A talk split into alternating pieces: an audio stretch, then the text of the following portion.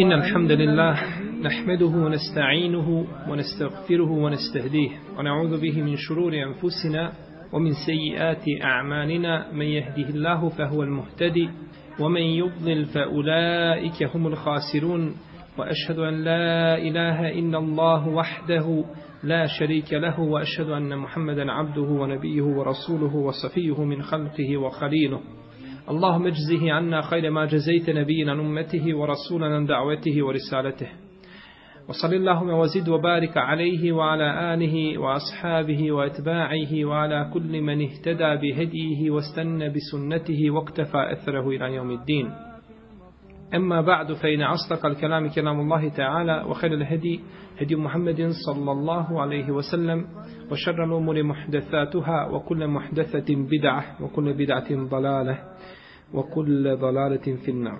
Emma ba'd.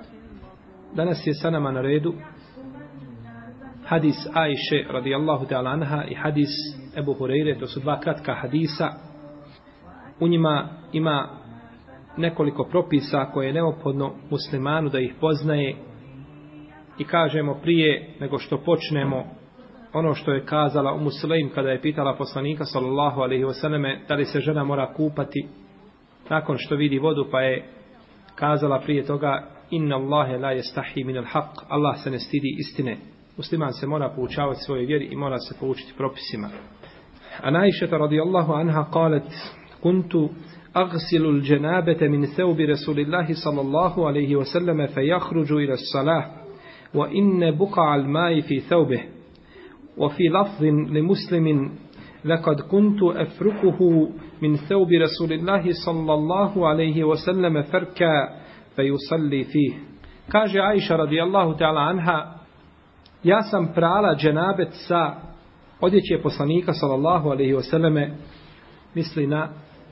spermu koja je bila na odjeći poslanika sallallahu alejhi ve pa je izlazio na namaz a trag vode je bio na odjeći U drugoj predaji koja je kod imama muslima stoji ja sam četkala ili sam rukom uklanjala ono što je bilo znači na odjeći poslanika sallallahu alejhi ve selleme pa je tako izlazio na namaz pa je tako izlazio na namaz O Aisha radijallahu ta'ala anha smo govorili prethodno o njenoj istoriji biografiji radijallahu ta'ala anha a u hadisu ima nekoliko propisa najbitniji od tih propisa jeste propis neđaseta sperme.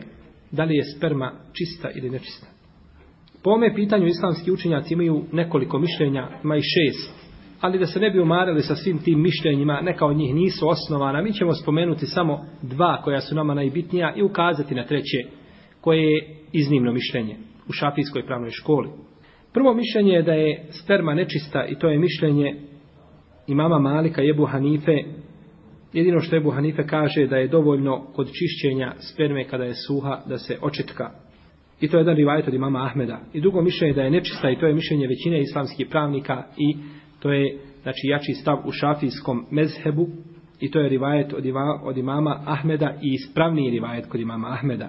Ima treće mišljenje koje je iznimno u šafijskoj pravnoj školi, to da je čisto od muškarca, da je nečisto od žene. Međutim, ovo mišljenje nema, nema jake osnove.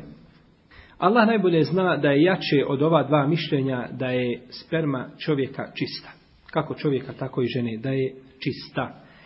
No međutim, nema kategoričkih argumenta na koje smo mogli kazati ovo je 100% jasan argument. Nego znači radi se o ičtihadu jednostavno s toga jeste razilažen među lemom veliko. Oni koji kažu da je nečista kažu zar nije ovdje Aisha radijallahu ta'ala anha kazala prala sam spermu sa odjeće poslanika. Pa kažu ne pere se osim šta? To je čist. Kaže, zašto je prala? Naše njihovo vrijeme nije bilo puno vode, voda je bila zlato, tečno i tako dalje, pa kažu, ne bi ona to prala da to nije bilo nečisto.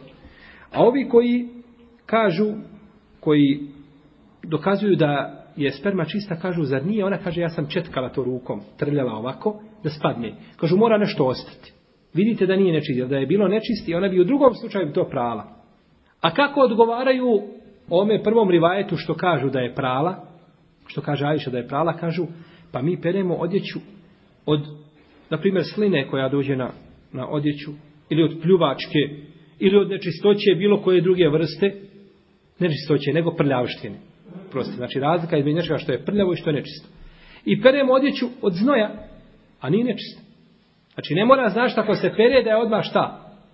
Može biti prljavo, može biti samo prljavo pa odgovaraju znači ovim rivajetom. Dok ovi kažu koji tvrde da je nečista, kažu nikako.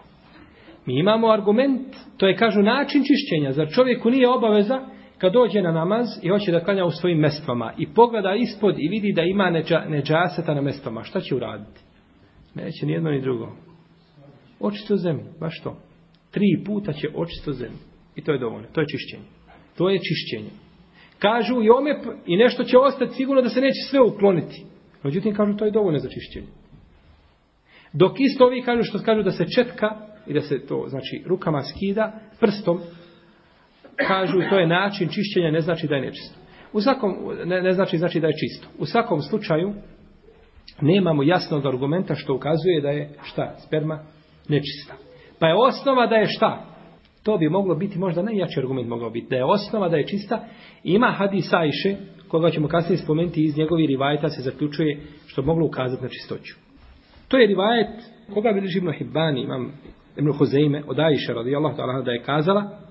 Tako čistila sam, kaže, prstom svojim spermu sodeće poslanika, sa osanome, kaže, pa je izlazio u ohuvaju sallifi, pa bi klanjao u njoj, u toj odjeći. Imamo dvije mogućnosti. Da je to čistila dok je on bio u namazu, čistila sam, a on je klanjao u njoj.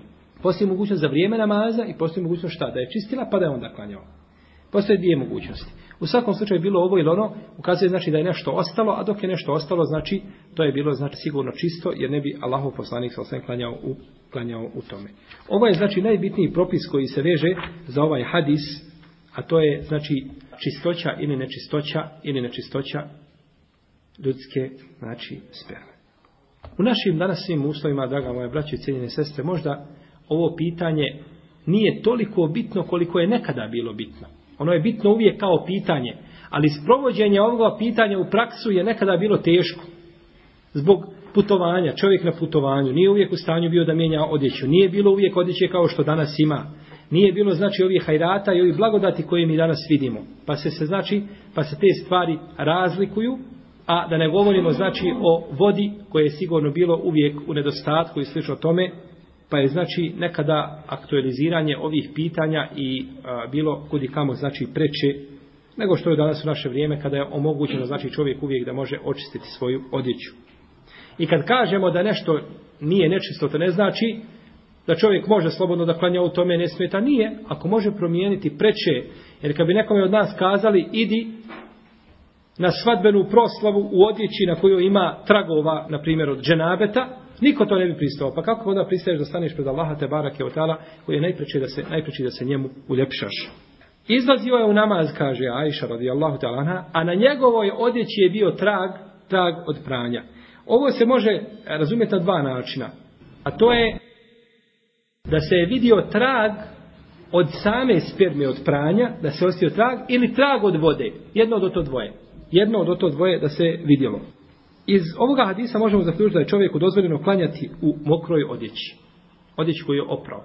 Oprao je nečim i nakon toga može slobodno stati u namaz. Jedino, ako bi se ta odjeća lijepila puno s tijelo da više skvasi, da više skvasi odjeću, onda sigurno da je to bi bilo pogrdno. Ja sam vidio jedne prilike jednog čovjeka, brata muslimana, koji hoće da potare po mestvama. Pa nije znao kako on je čuo da ima potiran, nije znao. Pa stavio čarapu i pere je pod česmu pere i trlja preko čarape i onda obuva to u cipelu, nije poznavao znači propis. To može na čarapi, ali kad to bilo na, na, na primjer na pantalonama ili negdje da bude da se prilijepi u stijelo, onda bi, kad bi više skvasio, onda bi to već bilo problematično. U ome hadisu isto tako je dokaz da žena treba služiti svoga muža. Da žena služi svoga muža. I to je jače mišljenje kod po argumentima, neću kazati od islamskih učenjaka, ali ima oni koji iskazali ovako i ovako. Ali jače mišljenje po argumentima da žena treba služiti svoga muža s tim znajući da žena nije rob u kući. Što su danas najviše muslimani sebi dali da pravo da ženu smatraju programiranom i preciznom. I samo je uključiš i ona radi. To je pogrešno. To je pogrešno. Znači, čovjeku je, čovjeka žena treba služiti, no međutim ima svoje mogućnosti, ima svoje obaveze koje je dužna ispuniti, a ne preko toga. Isto tako, ome hadisu je dokaz da treba prenositi dijela koja čini neko u koga se ljudi ugledaju ima nek, primjer nekakav poznat alim negdje uradio nešto. Što je od šarijatski propis, a to treba prenositi i širiti da ljudi znaju propise. Taman da u tim propisama bude ponekad e, nešto što, čega se čovjek stidi. Čega se čovjek stidi. Danas kod Arapa ima jedan ružan običaj. Nije on ružan, on je lijep s jedne strane, no međutim, kosi se sa druge strane sa e, nekim njihovim postupcima. Na primjer, kod nje je veliki, e, velika sramota da čovjek zna ime nečije žene da se ona zove Fatima, Marijama, Umukulsum, nije bitno. Ne možeš znati ime, to je sramota. A nije sramota da vidiš kako izgleda njena kosa i kako izgleda njena leđa, jer hoda razgolićana po cesti. To je normalno. Pa to su iskriveni, to su iskriveni kriteriji. Poslanik sa osnovne jedne prilike je pitan da li da se čovjek gasuli sa ženom zajedno ili kako da se gasuli, Pa je rekao, da, kaže, ja to radim sa ovom ovdje, kaže. Nas dvoje, kaže, tako, radimo, kaže, pa budemo džunup, kaže, pa se ovo dvoje kupamo. Ajša radi Allah, da nas je pa, pa, pokazao. Da ljudima, znači, približi taj, taj propis i da ga ljudi zapamte, da ga nikad više ne zaborave. Kaže, jeste, to mi činimo tako. Znači, da ih pouči propisima. Pa je tako, znači, lijepo da se prinesu postupci, jer je ovo, draga moja braća, vjera. Koliko ljudi, vallahi, svoje ibadete kvari ne znajući taharet? Koliko ljudi, vallahi, svoje ibadete kvari ne znajući taharet? I taharet vam treba, znate gdje? Svugdje. Taharet trebate u džihadu. U džihadu nemate biti bez tahareta. Zar nisu izišli oni ljudi u džihad? Pa jedan od ashaba bio ranjen, imao ranu na glavi, pa se odžunupio. Pa kažu, šta kažu, ne vidimo ništa da se kupaš. Nemate druge. Dok ne možeš konjati. Pa se okupao, pa je umro. Pa je rekao poslanik za svem, ubiše ga, ubio ih Allah. A gdje? U džihadu. Kaže, što vi danas samo pričate taharet, leo? Svugdje treba taharet. Od ustajanja do naveće treba taharet 20 puta. Pa je taharet bitan svugdje. Svugdje je taharet bitan. Ali kad ne zna čovjek propis, onda nastanu problemi. Omar Radeohan, kad, kad se ođunupio, valjao se po prašini, kaže, kao što se deva valja.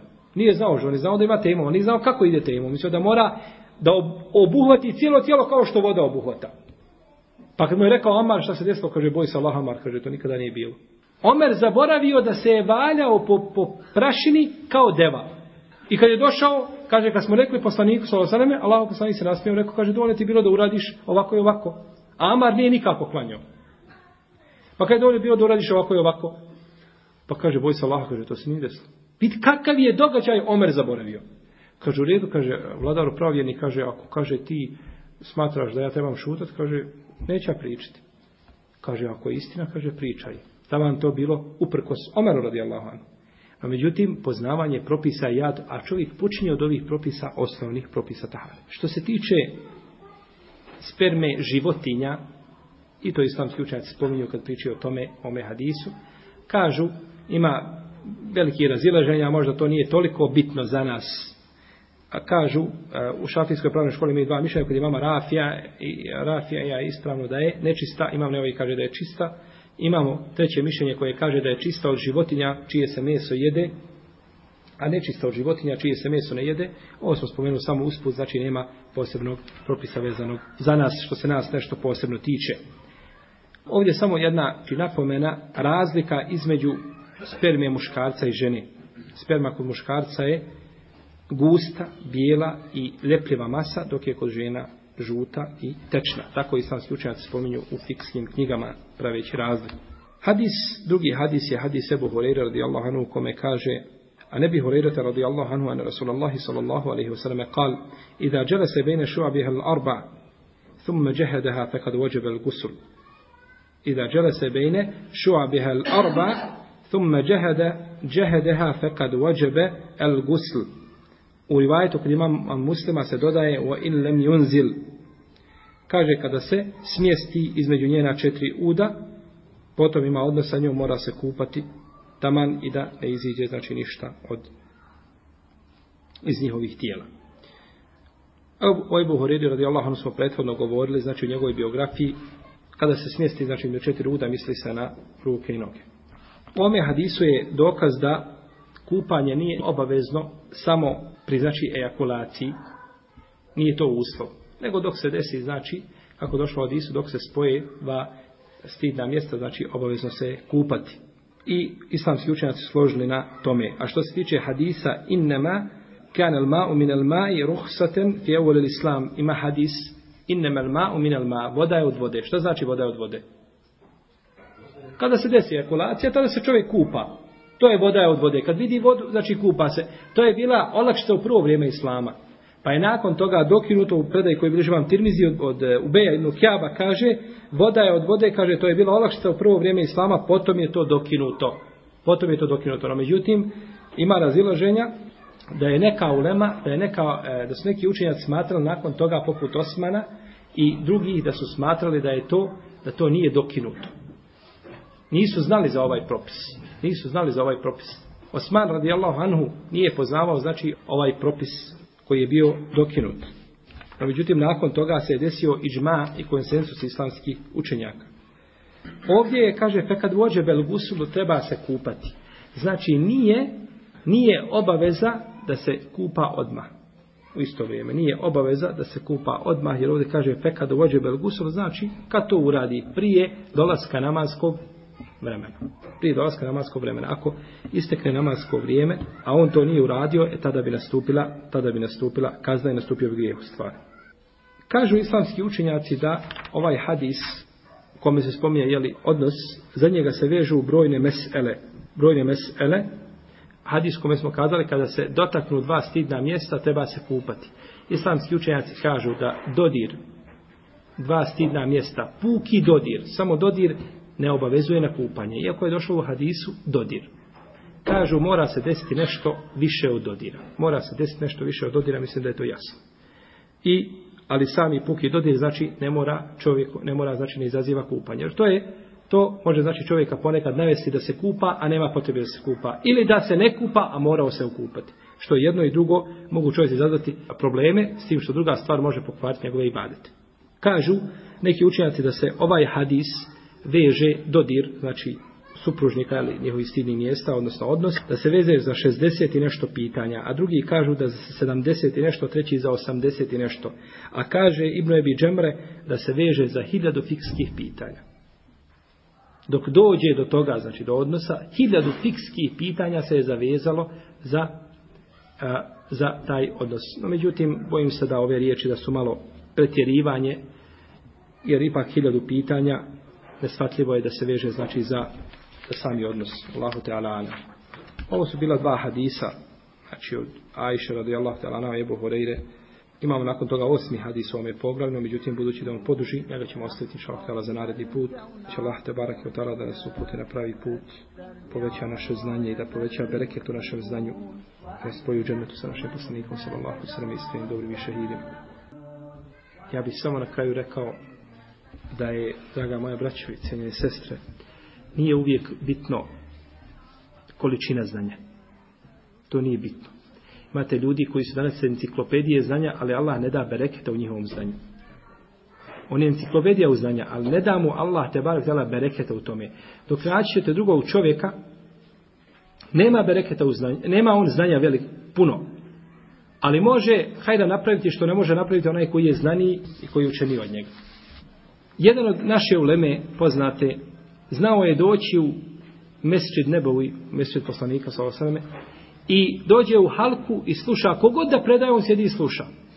Ponekad su predavači njegovi učenici, koji kad ga vide plaču od, od, od stida i od, i, od, i od dragosti, od svega što je on tu, a ne mogu pričati pred njim. Kako će pričati pred njim? To moj šejih, ja još uvijek nisam tigao ni dio onoga što je on naučio, no međutim on je sjedio i poučavao se. I nije mu bilo ništa ispod poniženja da sjedi pre svojim učenikom i da uči. To je bereket zna, znanja braća. To je bereket u znanju, da se čovjek ne oholi ni nad kim, nego da nauči tamo gdje može naučiti, šta može naučiti. I da moli Allaha te barak, da ne bereketa u tome znanju. Isto tako drugi je dolazio, bio jednom u džami i ustao jedan obični čovjek da nešto kaže ljudima, da im dade nasihat. Pa je počeo pričati. I ovaj sjedio, slušao i počeo plakati alim čovjek, imam ummeta, počeo plakati gdje obični čovjek priča tamo nešto, spomenuo hadise, nešto, počeo plakati čovjek. To je subhanala iskrenost. Pa je digao glavu, onako uplakani pogled u ovoga, kad je ovaj vidio njega, izgubio se čovjek, noge mu se oduzele, kako ja mogu pričati, a ti sjediš ispred mene, kako imam pravo da otvorim usta dok ti sjediš tu. I odmah počeo se izvinjavati, kaže, Allah, nisam ja znao, ima prekrenuo, kaže, tako ti Allaha nastavi, tako ti Allaha, kaže, nastavi. Pa je sjedio i slušao i plako dalje služio s njegovom predavanju. Iako ovaj čovjek nema ni približno znanje, ali braćo moja, nije samo znanje da čovjek reda, niže, predaje, da spominje, da priča i tako dalje. Treba nešto što se zove bereket u znanju. A to se tiče i hlasom, iskrenim, da čovjek zaista želi da, da pouči svoje vjeri. I onda ono što nauči, Allah mu dadne bereketa da to primjeni. Jer Boga mi od znanja čovjek zna ono što primjenjuje. Ma znaj ti koliko hoćeš, prijatelju. I pričaj, budi kao kompjutor. Ako to ne primjenjuješ u svome životu, kakva korist? Nici si sebi koristio, nici drugima lijep primjer dao. Možda si bio kao svijeća, drugima si svjetlio, a sam si izgorio. Pa treba čovjek, znači, kada želi da nauči nešto, da prije svega ima, znači, čist i hlas i nijet za učenje i nakon toga da želi Allahu Đošanu lice i zadovoljstvo. I Boga mi, kad čovjek sluša ne znam koga, do, gdje god da slušate imama da priča, pokušajte dati tome imamu, obični hože negi u džami, pokušajte mu dati svoje srce, nek priča, nemoj imati predrasuda dok uđeš reći, i kakav je, ovakav je, onakav je, izbrijan je, krvatu stavio, nemoj tako gledati. Nego kaži, pokušat ću čuti šta taj čovjek govori, i ako ima nekakva korist uzeti, ono što je loše, ja neću uzeti od njega. Ali ono što je dobro, ako priča, hajde, ja ću uzeti. Pa ćete vidjeti da nećete izaći iz džamije, da ne iziđete sa nekakvom koristi. Gotovo da nećete izići iz džamije. Jedan hadis da vam, da vam kaže, jedan hadis, to je dovoljno. Jedan hadis da vam kaže da vas posjeti, to je dovoljno, jer čovjek u svojoj prirodi zaboravlja. Moja mama ima 62 godine, hijab je počela nositi tek prije nekoliko mjeseci. On, otac je uvijek bio protiv toga. Mama je imala jako velikih problema od strane oca.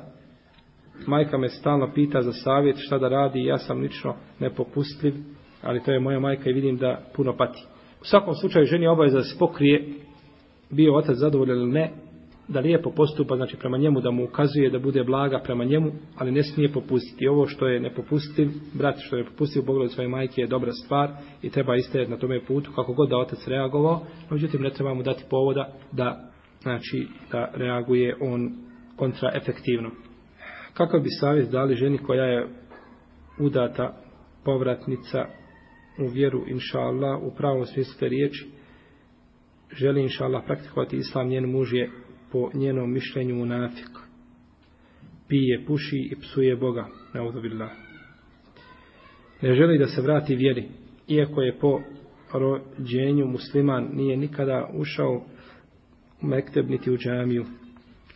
Ne zna proučiti ništa od islamskih sura. Ona je sve pokušavala, od razgovora do slušanja i predavanja te čitanja na glas da on sluša, međutim on je sve gori i gori prijeti da će otjerati ako stavi hijab kada ide van kuće da napomenem on nemoj djece ima li djece, ne ima li djece dužnost joj je šerijatski farz vađib da se razvede od njega da ga napusti zato što psuje Allaha Đelešanuhu a to je kufru Allaha Tebara Keotala ako je opomenut za to i kazato mu sve, iako nema potrebe da se to govori, jer to je stvar jasna kod dan, to ne smije raditi, i to po prirodi čovjek svoje mora znati da ne smije psovati Allaha Đelešanuhu, to po prirodi mora znati, ne smije ostati s tim čovjekom u braku, ne smije ostati sa njim u braku.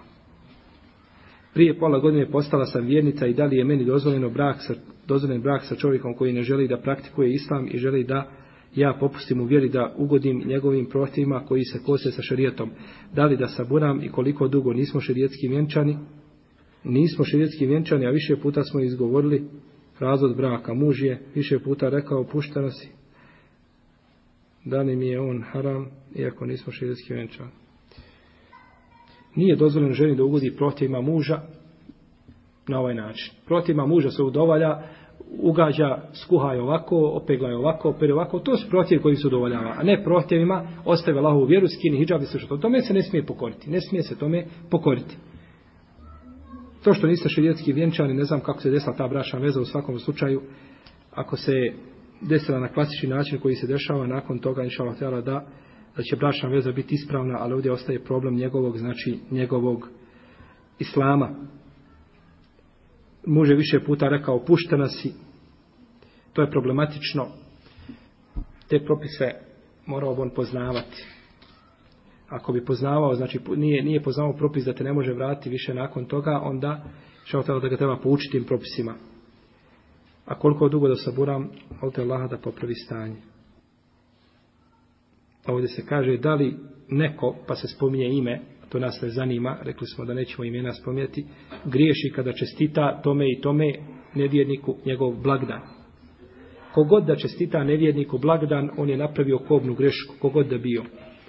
Bilo da se radi o ovoj ili onoj osobi, on je napravio grešku i to ne smije činiti.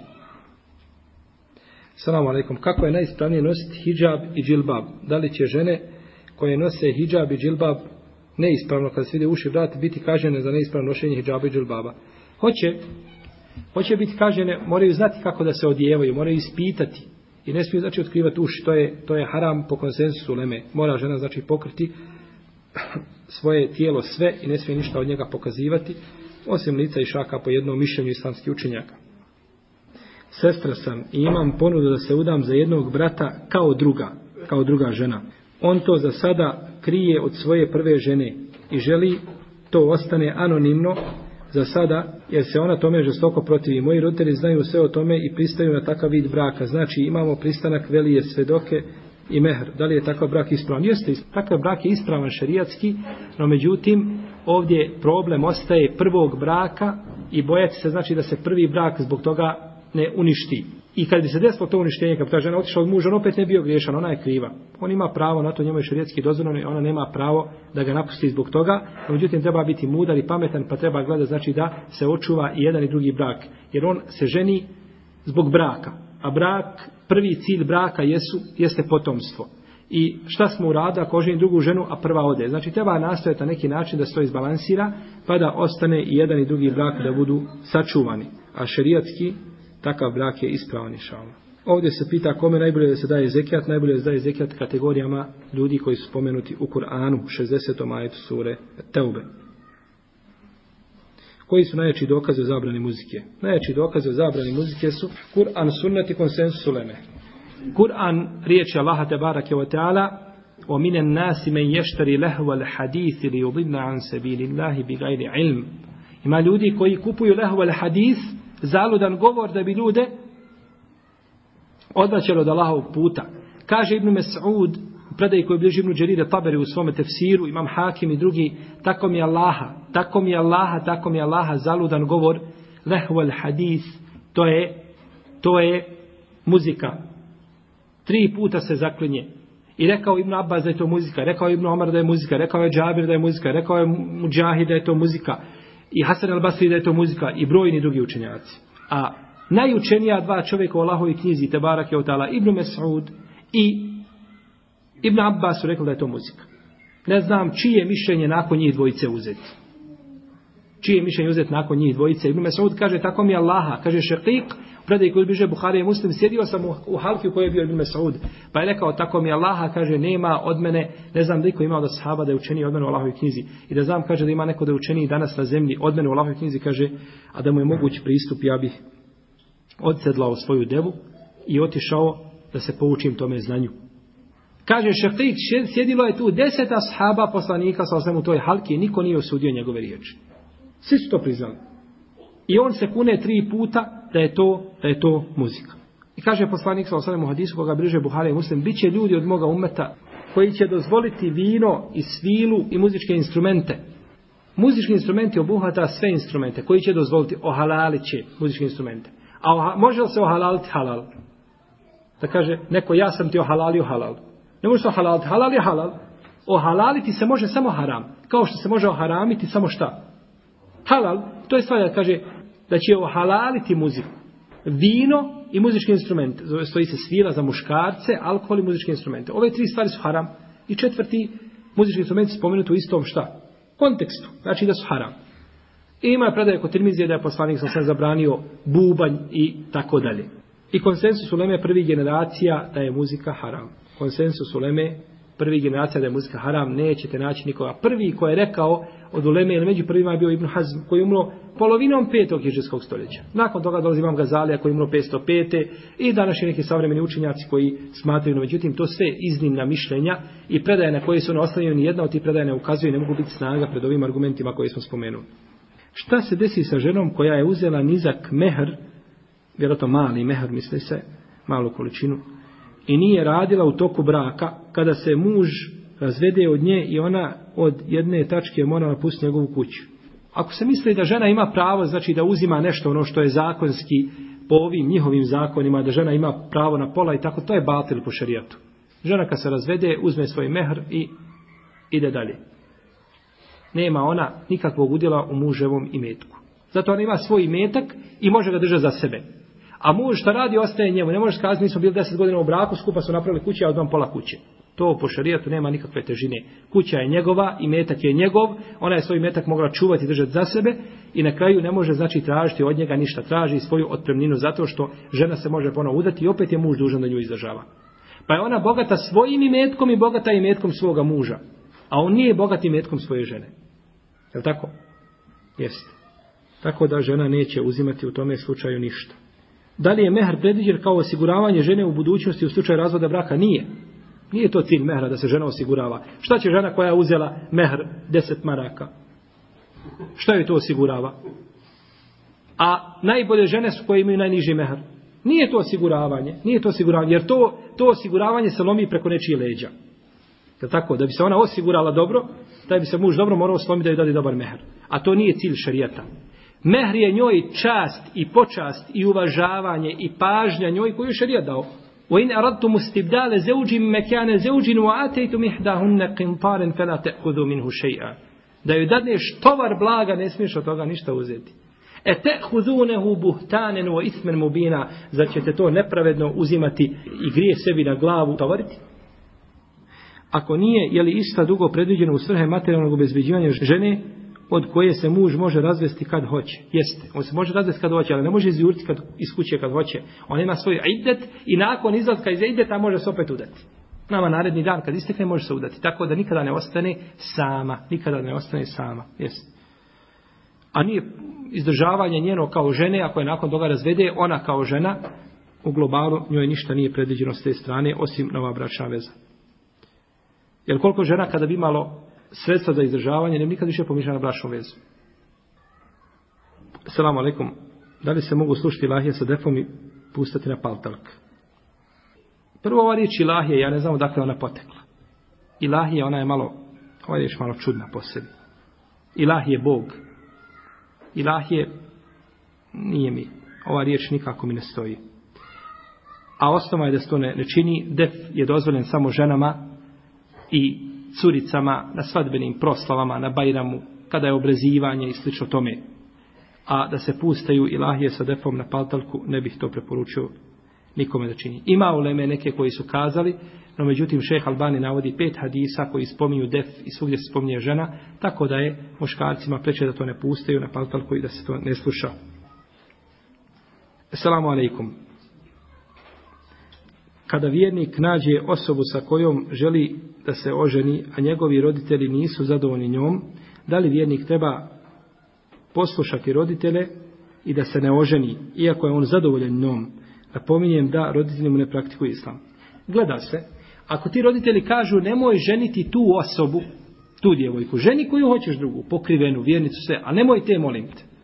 Iz kog razloga? Možda je imao sa njom babom nesuglasica, možda je čuo nešto loše u toj porodici i slično tome, ako traži da ne ženiš jednu ženu, znači pona osobnju, onda pokori se roditeljima. Uđutim, ako babo kaže, ne možeš ti ženiti ženu koja je pokrivena. Ne možeš uženiti vehabiku. E onda padaju babine riječi uvodu i majkine ili bilo čije, jer čovjek mora ženiti vjernicu mora oženiti vjernicu. No međutim, jednu osobu, pona osobi imaju pravo zabraniti. Da li je hađ žene, ako ga obavi noseći nikab vrijedniji, nego onoj ženi koja ga obavi bez nikaba? I ako jeste, da li nam možete navesti dokaz za to? Što se tiče hađa sa nikabom, tu postoji spor među islamskim učenjacima, da li žena treba otkriti lice ili ne treba. Ispravno je mišljenje da žena neće da žena neće na hađu otkrivati svoje lice. Jer poslanik sa osreme kaže u hadisu Ibn Omara koga bilježi Buhari o svome sahihu La ten teqibul muhrimetu wa la telbisul kafazeini. Žena koja je u ihramima neće staviti nikab, niti će obući rukavice. Razumijemo li iz ovoga hadisa da žena ne smije pokriti lice? Ne razumijemo. Iz hadisa razumijemo da žena ne smije staviti šta? Nikab. Jer je nikab nešto što se prilepi u tijelo kao što se rukavice prilepe. Allahu poslanik, sallallahu alaihi wasallam, da je htio zabraniti ženi da na hađu pokrije lice, kazao bi, žena na hađu će otkriti lice ili neće pokrivat lice i neće pokrivat svoje ruke. Onda bi hadis bio kategoričkog značenja. Onda bi hadis bio kategoričkog značenja. Tako da stavi nešto znači što pada sa njene glave i nije priljubljeno uz lice, ako Bog da inša htjela, neće smetati. Postoji razilaženje među ulemom. Preče je i bolje da žena stavi, znači nikab, a čiji je hađ vredniji, vredniji je hađ one koja bude iskrenija i čiji nijed bude čiš, čišći i koja na potpuniji način obavi propise hađa. Allahu Teala Ehanam. Znači sada je pod pitanje ovdje šta uradi sa imetkom kada su naši muž i žena zajednički ulagali, investirali, znači u gradnju stambenih objekata, e, zemlje, auta i tako dalje. Mi smo, kada smo govorili, znači ovo pitanje nisam spominjali tog pitanja, nego smo spominjali samo da žena ima pravo na svoj imetak i da ga ne mora davati mužu i kad je razvede da ima pravo da uzme ono što je Allah dao i da nakon toga nema ništa pravo da uzima. Što se tiče žena koje su znači ulagale sa svojim muževima, koje su ulagale sa svojim muževima i to je bio među njima vid nekakvog dogovora koga su prešutali ili poznatog u društvu, da žena ulaže da ima pravo nekakvo tu, onda bojim se da bi, da bi moraju namiriti nešto. Ne nešto, nego ono što ona uložila. Pa moraju namiriti ono što ona uložila, jer ona je ulagala to želeći da ima tu dio. Jer da je znala da nema dijela i da to što ulaže da može zaboraviti, nikada ne bi uložila tako pare jedne. Je tako ili tako? Sigurno. Znači dok je ulagala, ona je očekivala da ima nešto. Tako da, s te strane, onda, to je već drugi, to, to je već znači i drugi propis. No, međutim, govorimo, znači, kada žena, kada žena ne bi nikako ništa ulagala, imala svoj imetak, nakon toga ne može uzimati, nakon toga ne može uzimati ništa od muža. A Boga ima koje ulagala, treba joj namiriti ono što je davala. Ista je stvar, eh, to je sad gleda se, kada je dala taj imetak mužu, zbog čega ga je dala? Ako ga je opet dala da nešto radi s tim imetkom i da nakon toga da bi imala nekakav udio, to se opet vraća na to. Isti bi znači bio propis. Salamu alaikum, da li je dozvoljeno nositi nikav povremeno, to jeste na nekim mjestima nosta na nekim ne nositi, jer je to zavisi od raspoloženja čovjeka, jer nekad je dozvolio, nekad ne. Salam alaikum. Kad dozvoli, nosi, kad ne dozvoli, da Allah bude na pomoći. Možda to bude put i način da njegovo srce omekša pa da kaže u redu nosi uvijek nikam. No, međutim da kažemo nemoj nositi nikada, sigurno da neće se nikod njega ništa promijeniti. Pa možda on znači tim postepeno bude tražio da se ovaj da nosi žena uvijek nikam. Da li čovjek koji javno pomaže nevjernike vojno protiv muslimana, a nije prisiljen da to čini, da li svakako svakako treba takvom čovjeku reći da to ne smije raditi da mu je to dijelo kufra svakako ne smije čovjek pomagati nikoga protiv muslimana ne smije pomagati nikoga protiv muslimana i to je najopasnije dijelo koje čovjek može učiniti Salamu alaikum wa rahmatullah uvjeri sam i udala sam se i porodica od muža nije bila upućena nije bila znači porodica od muža upućena u vjeru, imala sam velike probleme sa njima zbog toga jer sam bila velika vjernica, muž mi je isto vjernik i nismo ošli za sebe živjeti, da li je to grije što smo napravili, mi, oni neće da nam dođu zbog toga što smo mi vjernice, Allah sam razvijel. U svakom slučaju, čovjek mora gledati prvenstveno na svoju vjeru. Mora gledati, znači, na roditelje, mora gledati na ovaj na one kojima je dužan da čini dobročinstvo, no međutim mora isto tako gledati na svoju vjeru i da sačuva svoju vjeru, da sačuva svoj iman. Pa ako čovjek nije mogao biti nikako musliman, znači pored ti ljudi su ga sputavali, iskrtali ga s pravog puta i da je osjetio da se njegov iman umanjuje u takvim situacijama, onda čovjek treba da se odvoji.